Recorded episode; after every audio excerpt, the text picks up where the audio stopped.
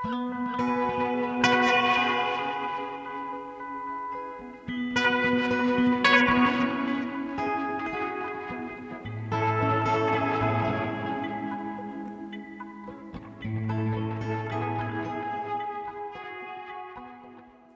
og sæl, kæru lustendur.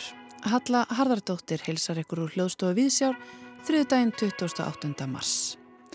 Í þætti dagsins verður fyrst og fremst hugað að tónlist, nýri íslenskri tónlist, en einnig hugum við að vannþaklátum flótamanni. Harmonikuleikarin Jónas Ásker Áskersson hlaut á dögunum Íslensku tónlistavellunin í flokki sígildrar og samtímatónlistar fyrir plötuna Fykta. Platan er nefnd eftir verkinu Fykta eftir Fridrik Margreðar Guðmundsson en einnig er á henni að finna verka eftir Allaheimi Sveinsson, Þorkel Sigurbjörnsson, Alla Ingólfsson og Finn Karlsson. Jónas Áskir er einn af fáum Íslandingum með framhalspróf í klassískum harmonikuleik en hann heitlaðist ungur af hljóðferðinu. Jónas býr og starfar í Kaupmannhöfn þar sem hann stundaði nám við konunglega tónlistaskólan þar í borg. Við sláum á þráðin til hans í dag og heyrum af bestu blötu ársins, fyrta. Einnig heyrum við ríni í vannþakláta flótamannin eftir íranska höfundin Dínu Neyjeri. Bókin kom út hjá Angústúru í fyrra í þýðingu Bjarnar Jónssonar en höfundurinn verður einmitt gestur á bókmyndaháttíði Reykjavík í næsta mánuði. Neyjeri hefur sendt frá sér tvær skáldsögur en er líklega þekktust fyrir vannþakláta flótamannin sem er fræðibók með skáldlegu ívafi. Gauti Kristmansson fjallar um hana í þætti dagsins. En við hefjum þáttinn á tónlist, ekki harmonikutónlist, hún kemur undir lokþáttar, heldur byrjum við á rockskotnum jazzi. Nýverið kom út plata undir heitinu Gork sem að Guðni var foröðunum að kynna sér betur. Hann heiti fórsprakka verkefninsins Óskar Kjartansson, trómuleikara, niður í hörpu.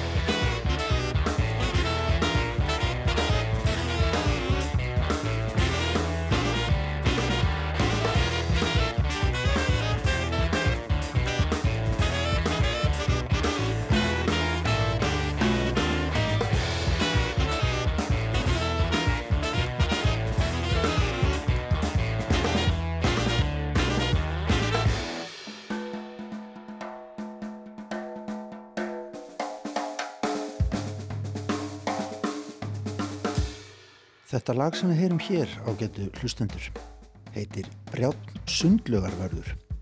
Brjátt hljómar eitthvað pyrraður í dag. Þetta er lag af plötu sem að heitir Gork. Þar leika á trommur Óskar Kjartansson, Gabriel Markan á ramaskítar, Valdimar Olgersson á ramagsbassa, Helgi R. Reyðarsson á tenor allt og baritónsaxafóna og Tumi Árnason á tenúsaxafón og hljóðgerðla. Þetta er fyrirtagsdæmi um nýmeti úr íslenskum jazz heimum en þó ansi rock skotið. Plata sem að kom út nýlega á vínil frá Record Records. Við höldum til fundar við Óskar Kjartansson, trómuleikara og forsvarsmann Sveitarnar sem að semur öll lögin á plötunni. Við hittum hann fyrir í hörpu.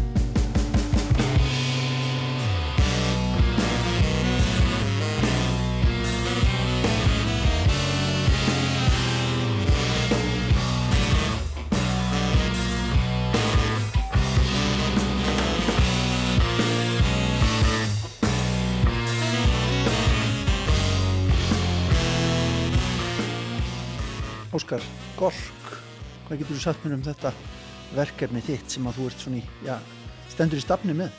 Já, hvað, það er spurning, hvað þú vilt vita nákvæmlega, sko.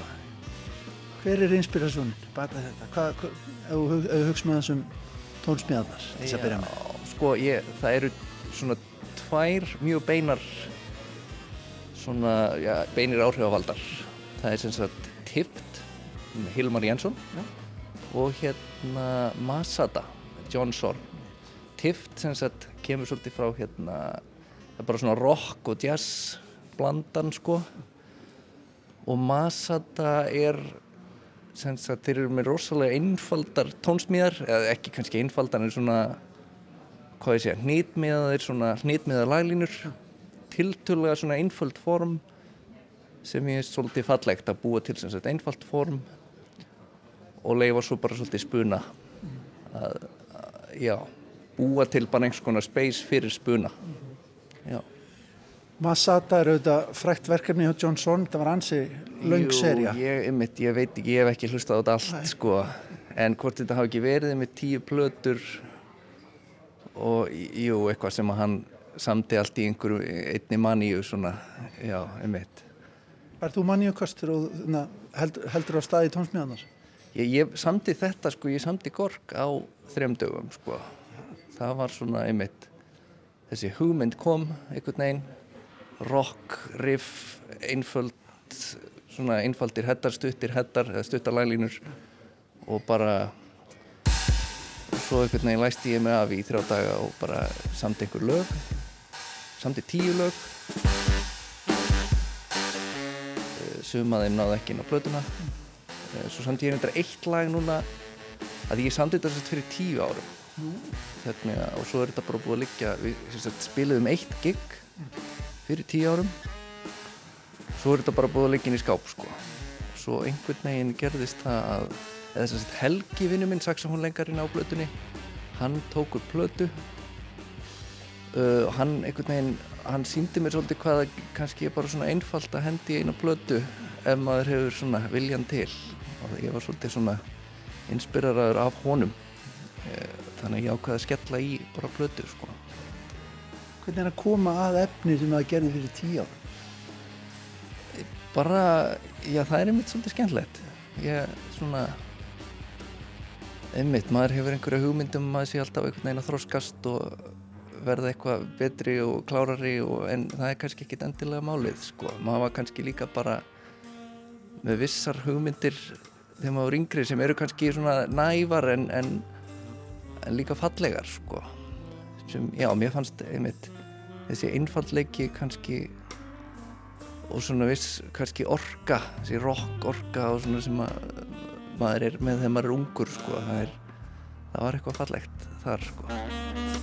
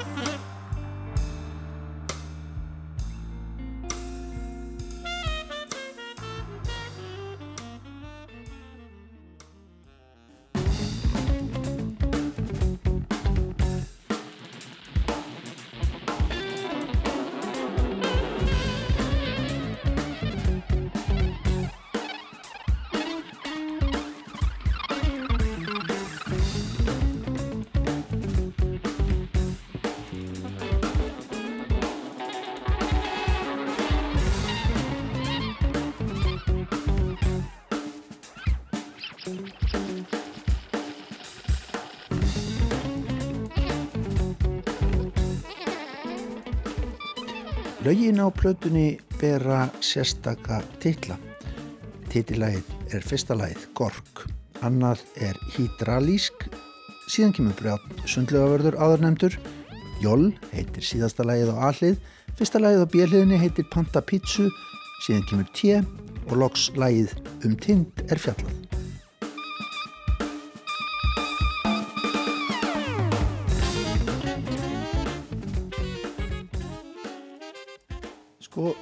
Þessar lagasmíðar þær eru mjög rockaðar, ég menna maður, maður fær mjög svona sterkar tengingar við bara þungt stöf uh, úr rockheimum uh, sko, hvað, finnst þér möguleikarnir miklir á því að blanda saman einhvern veginn heimi jazzins og heimi rocksins ég menna eða er þetta hérna, er þetta sýstur tvær sem aldrei, aldrei mætast eða Ég mætast í þessum tilvíki. Já, mér finnst ég eins og kannski svolítið tift Tift síndi mér að þetta væru svona tveir heimar sem geta alveg lifa saman og hérna já, ég ég sko fattaði líka kannski svolítið eftir og ég aldist rosa upp, mikið upp í sem sagt svona ég man ekki hvað þessi kynslu heitir allt þetta sko Korn og Limp Bizkit og Rage Against the Machine og eh, ég þar er svolítið upprunni minn í tónlist. Svo ég held líka að það hefur svolítið mikið komið svolítið mikil áhrif þaðan. Og, og já, þetta er bara svona kannski svo einhvern veginn fer ég í jazzin en á alltaf þessa ástgagvart þessu rocki svona riff, riff svona tónlist sem byggir meira á riffum heldur en kannski hljómum. Og einmitt, þetta var svolítið áhugaverð bara pæling einmitt að, að spila jazzmusik að jazzmusik er oft tengt við hljóma. Að henda hljómunum og, og, og bara vinna með einhver svona riff og, og þetta var líka bara, kannski bara að sjá hvað myndi gerast sko, að ég var ekkert vissum hvort þetta myndi eitthvað virka en, en svo er líka bara þegar maður vinnur með svona tónlistafólki þá ef maður býr til einhvert smá ramma þá hjálpa þau manni alltaf að sko koma því í einhvert farveg sko. Þannig ég get ekki einu sinni sagt að sko þetta sé einhvern veginn mín tónlist bara sko það eru auðvitað allir tónlistamennir sem spila inn á þessu sem að eiga hellings að segja sko, helling að segja. Sko nú ert þú Óskar trommari og hérna og þetta færða svona setast alltaf í bílstjórasæti þannig aftast í pandinu þú keirir alltaf taktin áfram í svona taktdrifinni tónlist. Sko heldur þú til dæmis að ef við horfum á jazzin að trommarar þegar þeir taka sér til og búa til ramman setja línuna semja laun, hvað sem við kallum það uh, að þeir semja öðruvis tónlist heldur en aðrir mm.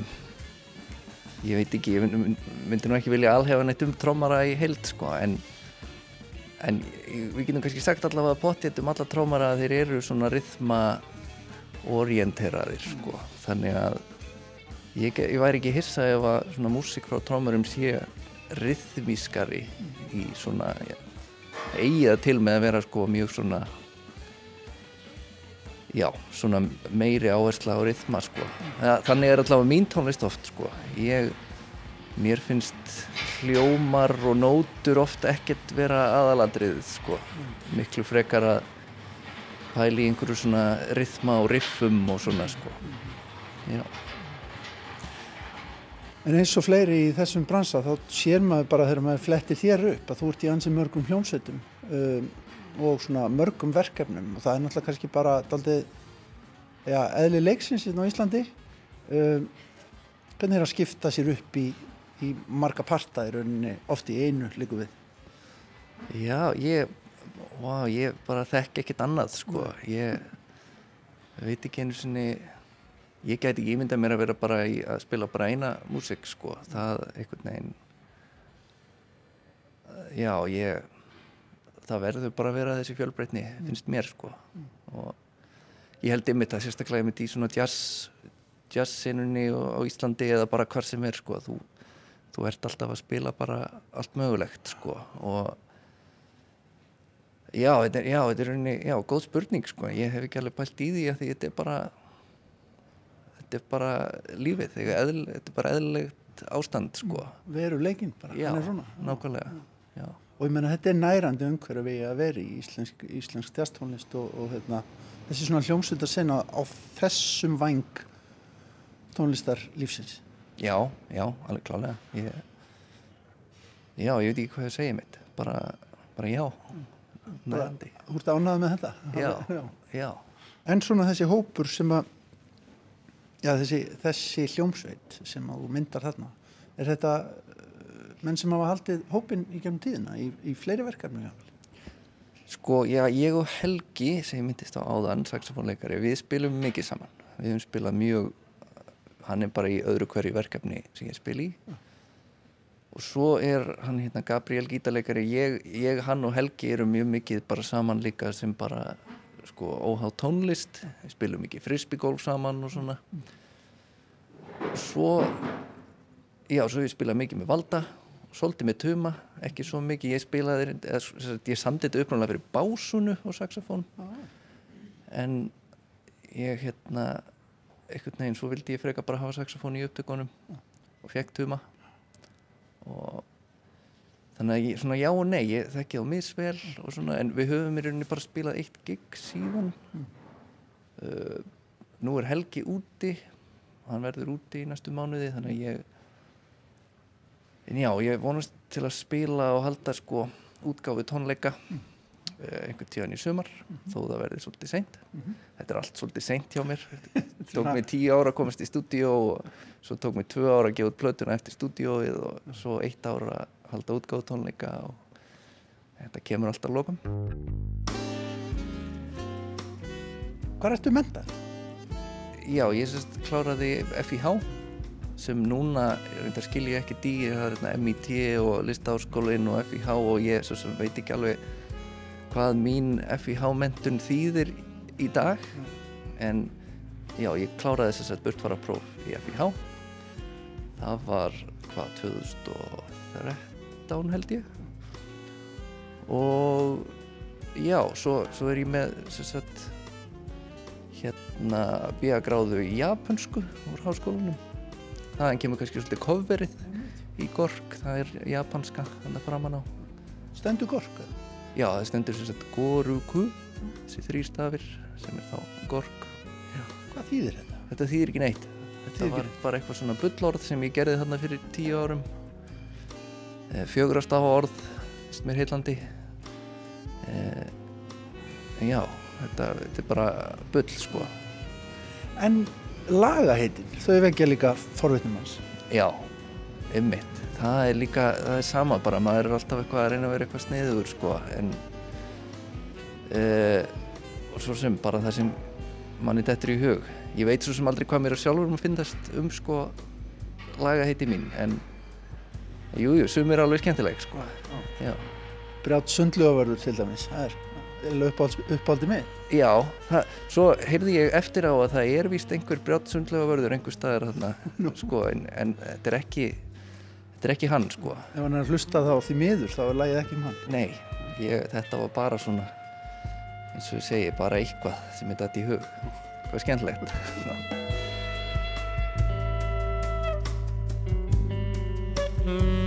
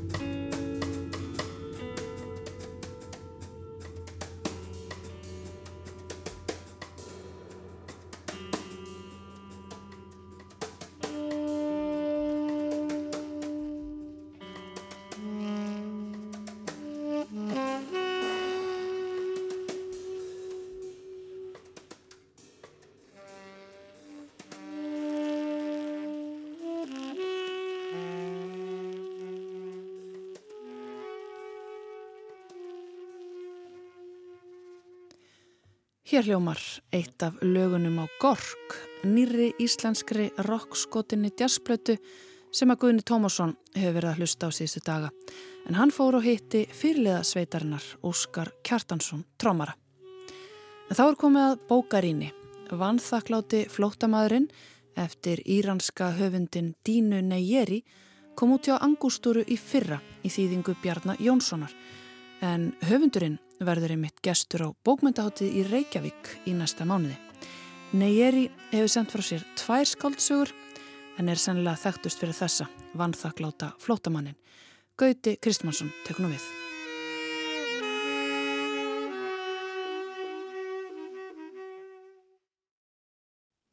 Bölvun byðarinnar er einn af mikilvægum þráðum í þessari sjálfsæfi sögulegu bók sem kryttuður einnig að frásögnum annars flotta fólks sem höfundurinn hefur haflað sér upplýsinga um og færi hér í letur. Það er byðin eftir lífinu sem er svo mannskemmandi í þessum kerfum sem Vesturlönd hafa komið sér upp til að takast á þá staðreind að til þeirra sækir fólk sem leitar aður vernd gegn ofsóknum af öllu tægi í skjóli þess að þessi sömu Vesturlönd teljast umburðalind, trú og tjáningar og skoðanafrelsi og hafa undirritað sáttmála þar um Kanski vegna þess að á miðri síðustu öld voru miljónir Europabúa á flotta þegar framum voru þjóðamorð og stríðsklæpir sem aldrei eftir að gleymast.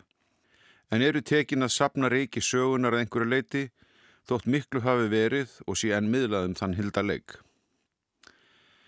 En á þessar öld hafa stórar bylgjur flottafólks skollið á Evrópu frá miðausturlöndum og Afríku vegna styrjalda og átaka sem vesturlönd eiga sem þátt í að stopna til með innrásum í Afganistan og Írak, auk þessum sífælt vellur úr sárin í Palestínu.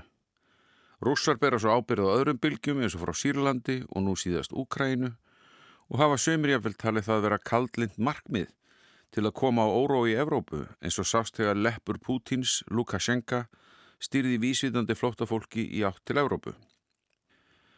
Að því viðbættu hefur komið til mikill ströymur innflytjenda vegna frjálsar farar innan Evrópska efnahagsvæðisins en mikilvægt er að blanda þeim hópa ekki saman við flottafólk eins og stundum er gert.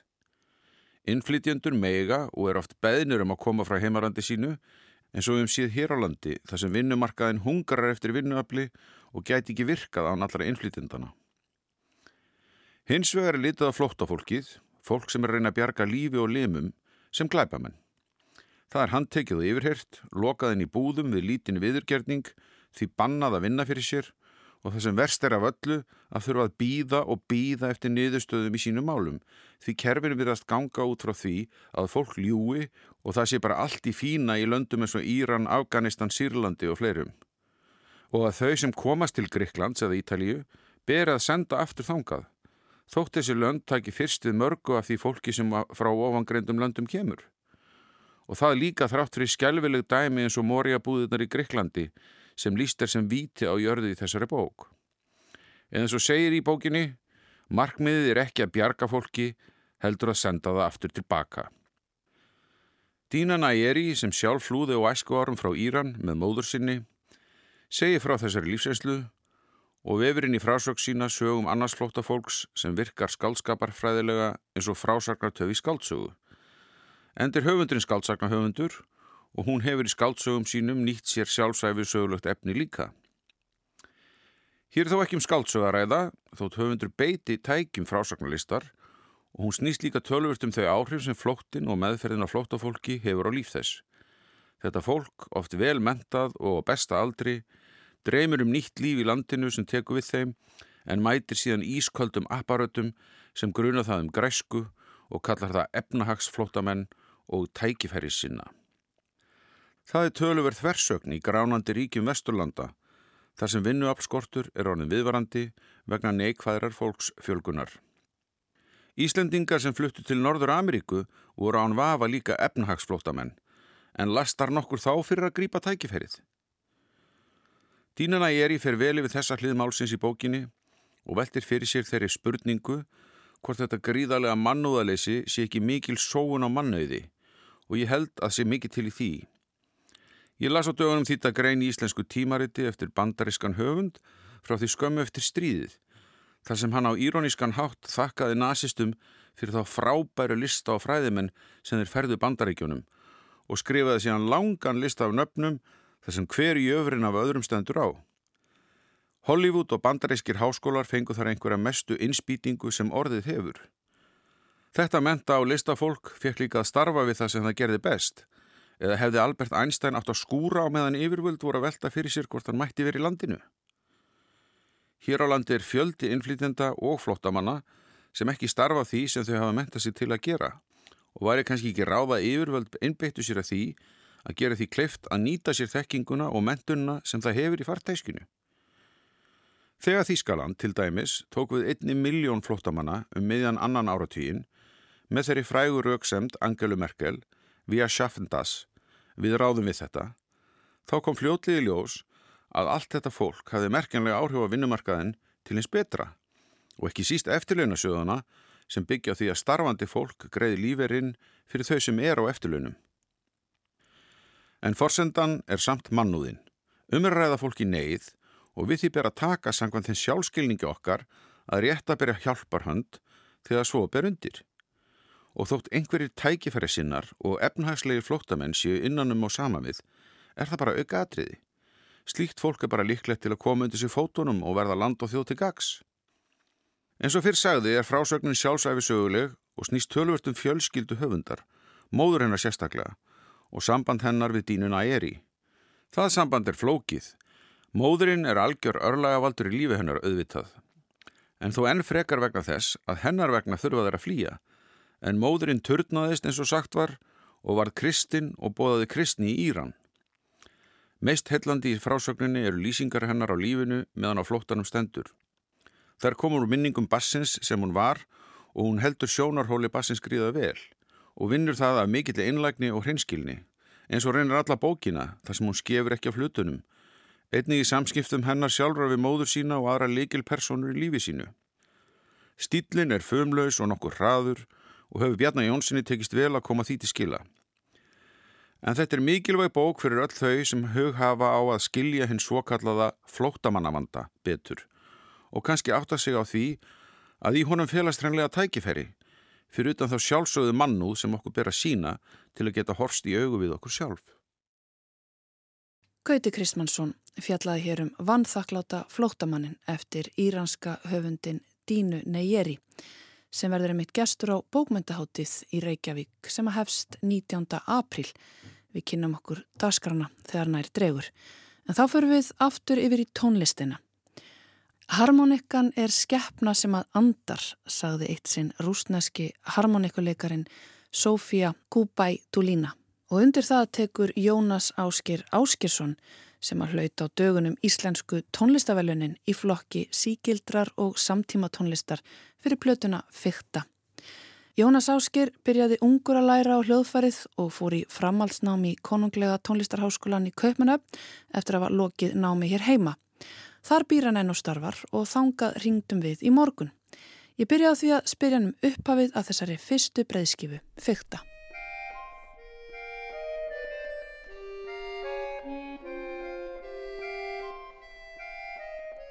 Ég hef alltaf haft mikinn áhuga á að uh, bæði skapa íslenska tónlist fyrir harmoníkuna og, og rannsaka eldri verk sem hafa verið saman fyrir harmoníkuna. Um, og ég hef reglulega verið svona að, að að skróla mig í gegnum uh, íslensku tónverk, tónverkamiðstöðuna og svona skoða uh, hvort það sé einhverjir svona leindir leindargerð sem er þar. Og eitt kvöldið fyrir skulum við segja þremur árum eða 2019 held ég þá allt í einu byrstust á síðunni tvö verk. Eitt eftir Allaheimi Lítur und Intermezzi fyrir Harmonica Sopran og svo og tvö verk eftir Þorkjell Sigursson uh, Mobilissima Visione og Amiable Conversation. Og sem sagt, já þau byrstust bara, þau hefði ekki verið aðna áður. Þannig ég veit ekki hvort að einhver hefur bara kannski skannaði inn frá einhverju skjálasafni og, og bara hendin inn á síðuna. En þetta var bara eins og að rekast á, á grafin fjársjóð fyrir mér og það einhvern veginn fengti strax í mér mikla þrá til að, svona, að sjá þessi verk já, eh, koma til lífsins það á þeim tíma var engin heimild fyrir því að þau hefðu verið flutt og ég ennþá nokkuð vissum, eða já, ég hef ekki, persónulega ekki fundið neinar heimildir um að þau hafi nokk tíma verið flutt. Eða það er svona umdilt allavega. Og svo langar mér auðvitað að, að hafa líka verk eftir, eftir tónskáld sem ég myndi vinna með og, og, og skapa nýverk. Þannig að það væri svona samsöðungur bæði með eldri verkum og, og endur uppgötum eldri verkum og svo nýjum verkum sem ég hef verið að vinna með.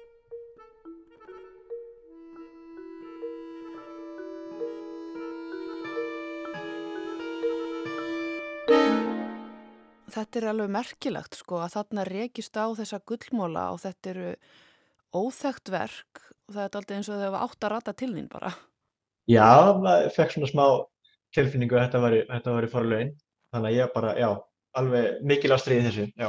Vegna þess að eins og þú segir, það er ekkit kannski svo mikil katalógur fyrir harmoniku í klassískum verkum. Hva, af hverju hefur lítið verið samið fyrir harmoniku?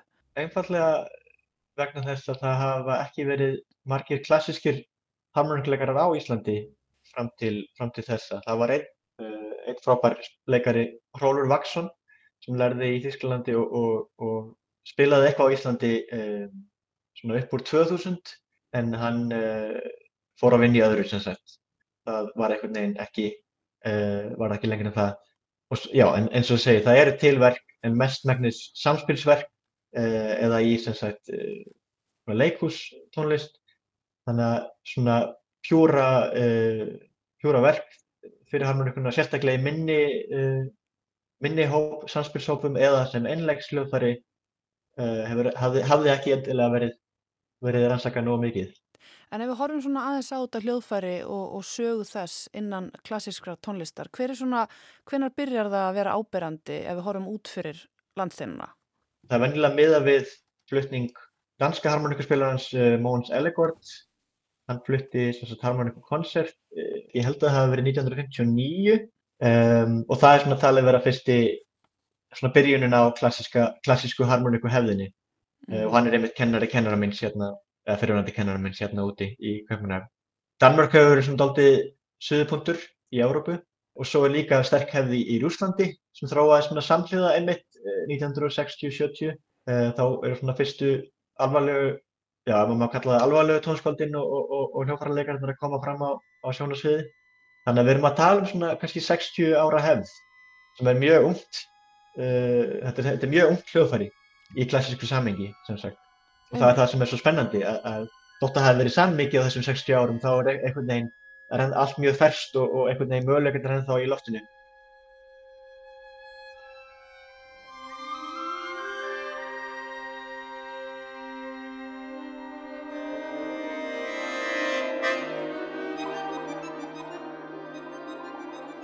Einmitt, það eru mjög sterkar þjóðlega hefðir og, og, og, og harmoníkunni notur mjög mikið í, í þeim samhengum, uh, bæði í Skandinavíu og víðar. Og það er náttúrulega bara aðalega út af því að hljóðfærið er svo, svo færlegt. Það er bara, það var svo, svo vinsælt á sínum tíma, mjög fljótt eftir að það var, ég vel smíði hljóðfærið koma marka en þá var þetta einhvern veginn eins og sinueldur uh, út af því að það var, það var ódýrt í framlegslu og jáframt auðvöld að færa á milli staða eins og Íslandi þá, þá var ekki þetta hér á milli bæjana harmonorgelin eða, eða, eða eitthvað þýmlíkt sem gáttu spila sem sagt polyfónist. Eh, það var ekkert hlaupið að því að koma hljóðform á milli, milli staða en eh, harmonikan fylgti það hljóður bara eins og, eins og skot.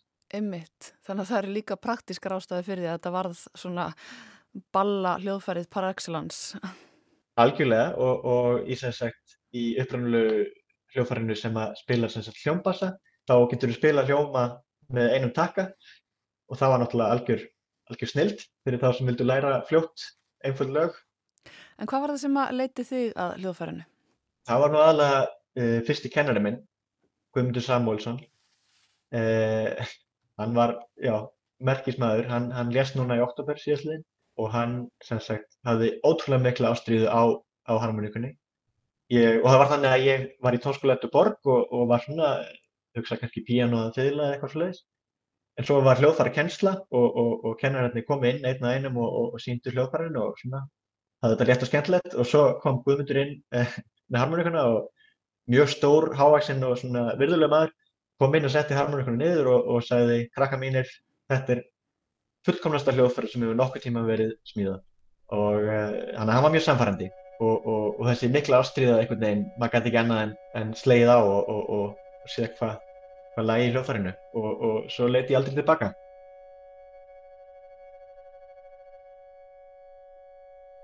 Radioflakes, það er alveg einstakt myndi ég segja, bæði í harmoníku efniskráni og bara almennt eh, vegna þess hversu ótrúlega vel það er uppbyggt og, og hvernig það nýtir möguleika harmoníkunar alveg frá A til Ö en samt á mjög samfærandi og vel uppbyggðan hátt.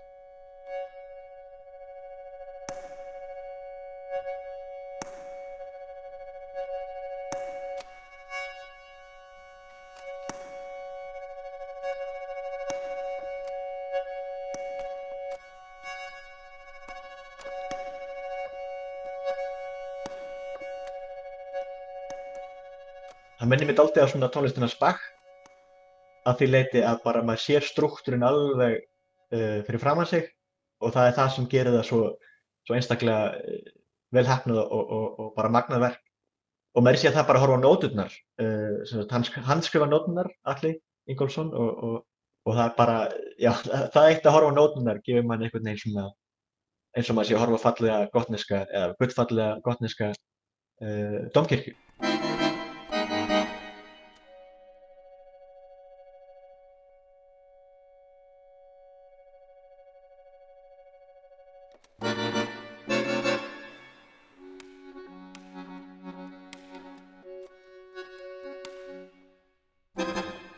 eins og ég segi, það er einstaklega krefjandi út af því að hann byggir algoritmiska struktúra sem að krefst að maður, já, maður þarf að hugsa um miljón hluti í einu til að fá það til að hefnast. Um, og ég vann að verkinu eiginlega mest, all, mest allar masters, masterskráðuna mína og þetta er sem sagt þannig verk sem maður þarf bara virkilega að liggja yfir og, og, og, og skoða í þaula og læra uh, og einbetta sér að því.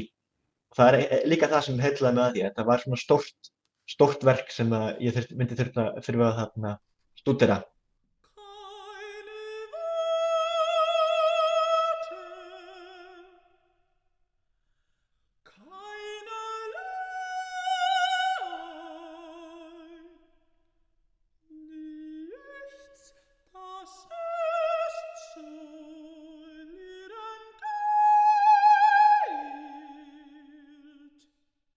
Liederund Intermezzi er sem sagt samið af Alla um, 1996 og það er samið við ljóð eftir Osip Mandelstam, rúsnesk uh, í þýðingu Pól Celan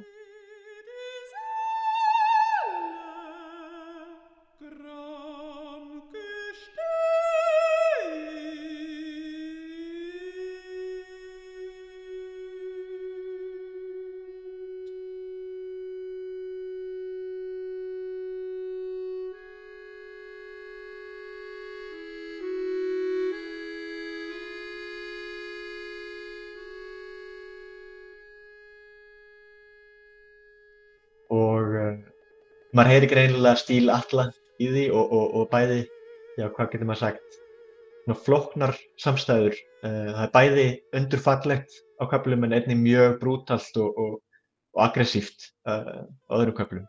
Uh, og það er svona mjög kaplaskipt, það er skipt eftir ljóðum og mjög svona, já, symbolísk og daldi surrealísk ljóð sem er daldi erfitt að tólka en tónlistin er einstaklega, hún er annarkvæmst mjög kröftug og, og einmitt brútal og, og, og fyrir hratt yfir eða alveg, já, verður alveg kyrr og gullfalli og himnesk næstu því.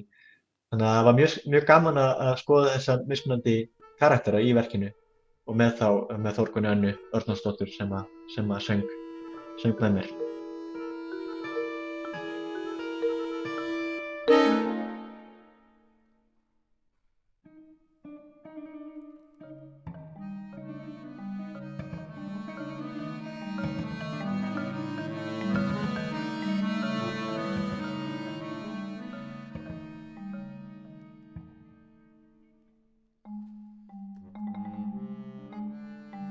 Mobilissima Visione eftir Þorkel Sigurbjörnsson. Það var samið fyrir sagt, harmoniku, ramaskítar og, og, og slagverk. Og samið fyrir Clio Mobile sem var einmitt uh, Móhans Ellegard sem ég rætti á hann, hann var hlut af því tríói hérna í Danmarku og verkið er skrifað í sem sagt aliatóriskum stíl Þorkels, það er að segja að það er mjög grafíst, uh, rithmin er mjög graf, grafískur, þannig að það er ekki endilega mjög skýrt hvar maður á að spila uh, með hinnum uh, hljófarleikarunum, að maður þarf virkilega að hafa opið neyru og, og, og hlusta hvert annað og, og fá það til að, til að passa saman já, með einn svona innsæi. Og það er það sem er mjög spennandi við verkið og, almennt tónlistina Þorkels að maður getur ekki bara sagt taktmæli á og, spila það sem stendur. Og það er virkilega að, að opna eirinn.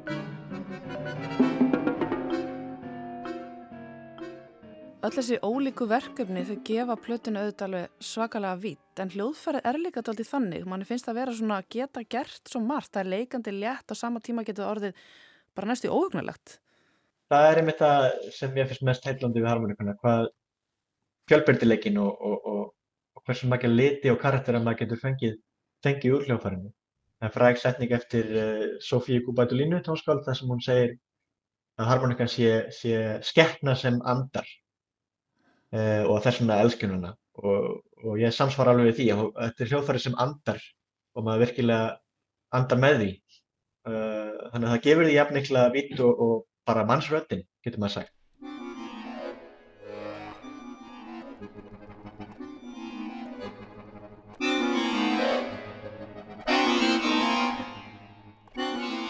Eins og segir, þú ert bæði með eldri verk eftir meistara í okkar tónlistarsögu og svo ertu með ný verk eftir unga meistara. Accordion Concerto uh, eftir Finn Karlsson. Segð okkur aðeins frá því. Já, uh, Accordion Concerto var samið fyrir mig uh, af Finni Karlssoni.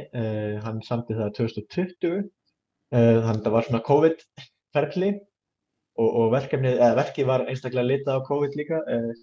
Sagt, við áttum að fara á heil tónleikaferðarlag með, með Elju Kammersveit sömari 2020 en við náðum bara einu tónleikum og svo var allt slaufað vegna, vegna faraldarsins og svo reyndum við nokkur sinnum að, að flytja það í Reykjavík um, bæði jólinn og sömurinn eftir en það var alltaf aflýst vegna COVID. Þannig að það var mjög góð tilfinning að, að fá loksins að flytja það síðasta desember og jáfnframt að taka það upp uh, árið áður.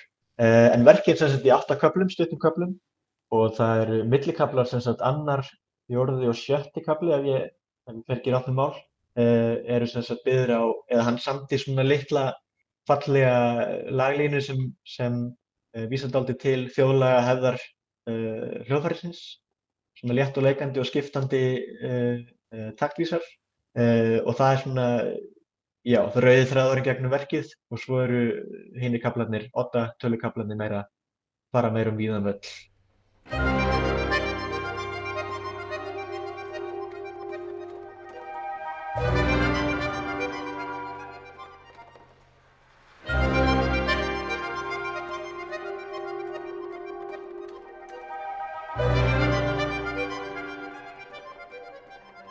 Finnur er mjög, hann er algjörmeistari í orkestreringu og eh, að ná margvíslegum litum úr bæði harmoníkunni og svo líka eh, hinu hljóðfærinu sem er þá eh, kammersveitin. Hann er alveg einstaklega fallegum laglinum úr hljóðfærinu en líka mjög liftrandi og skærum og, og virtuósískum höflum. Þannig að hann sýnir mikið hvað hljóðfæri hefur á að bjóða.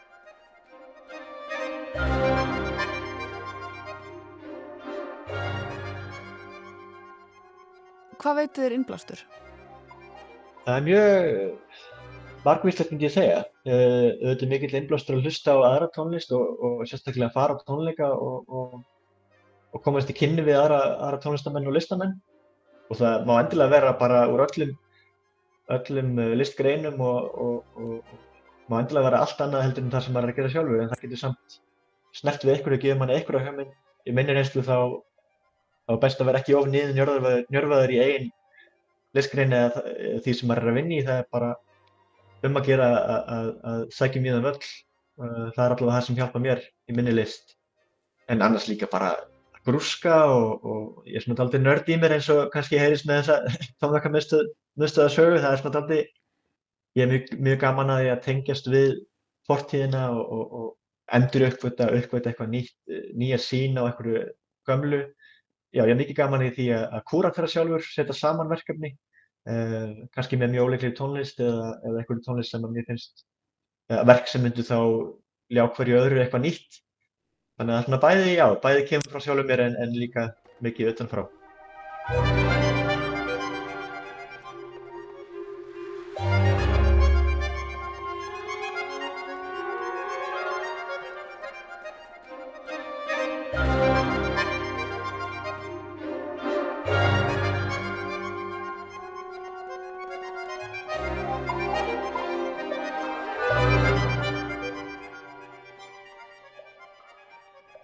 Tilengja sér sagt plötuna Guðmundur Samúlsinni sem var minn fyrsti hljóðfærakennari og, og kendi mér sem sagt alveg frá, frá því ég var nýjára til 20 eh, ára.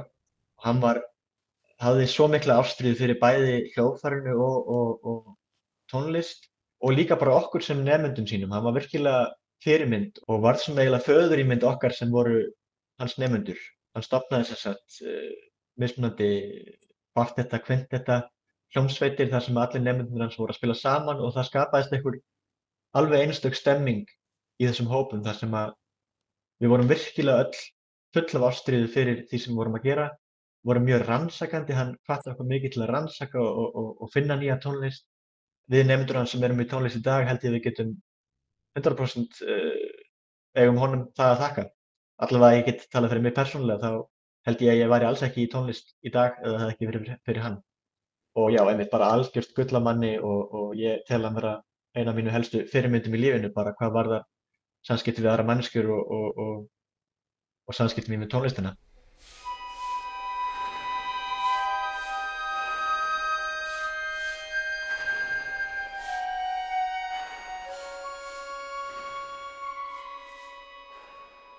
Þegar þú sest niður með harmonikuna og spilar fyrir fólk eða tekur upp fyrir fólk Hvað svona, við hverju viltu snerta? Það eru þetta kannski ólíkt eftir því hvað verkur þú ert að spila en eh, hverju viltu ná fram með, með tónlistinni almennt og kannski þá líka sérstaklega með þessari plötu? Um, sérstaklega með þessari plötu og, og líka almennt þá, þá er eitt af það skemmtilegasta sem ég geri er er að kynna fólki fyrir hljóðfærinu og harmonikunni og, og sína hvað, hvað það hefur upp að bjóða og jáfnframt hvað ég hef fram að bjóða með hljóðfærinu. Það er eitthvað sem að, já, gefur mér alltaf ánægju að fólk kemur upp með mér eftir og segir já, ég hef ekki hugmynd um að harmonikun geti gert þetta. Annars sem maður auðvitað almennt sem tónlistamæður þá, þá vil maður ná þessari tengingu við áhörvendur.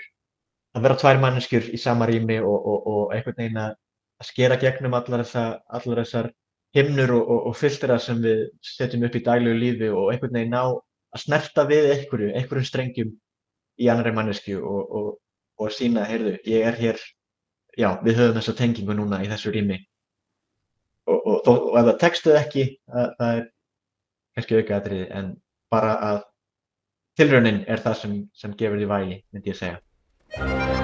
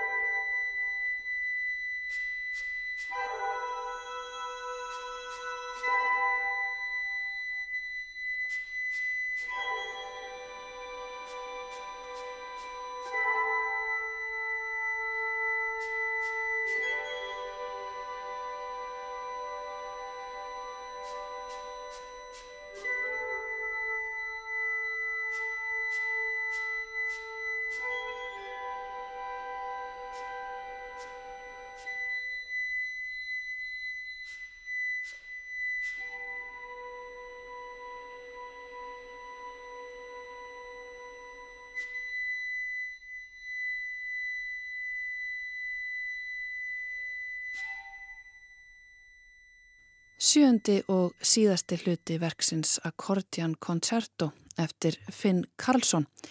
Hér er flutningi Jónasar Áskis Áskissonar og að plötu hans Fykta. Plata sem var valin besta íslenska platan í flokki síkildrar og samtíma tónlistar á íslensku tónlistarvelununum. Á plötinu er að finna verk fyrir harmoniku eftir eldri og yngri tónskald en upptökustjórn var í höndum Ragnæðar Jónsdóttur. Og á þessum nótum líkur þættunum í dag, við sjá verður hér að sjálfsögðu á sama tíma morgun og hvena sem er í spilararúf. Takk fyrir að hlusta og verið sæl.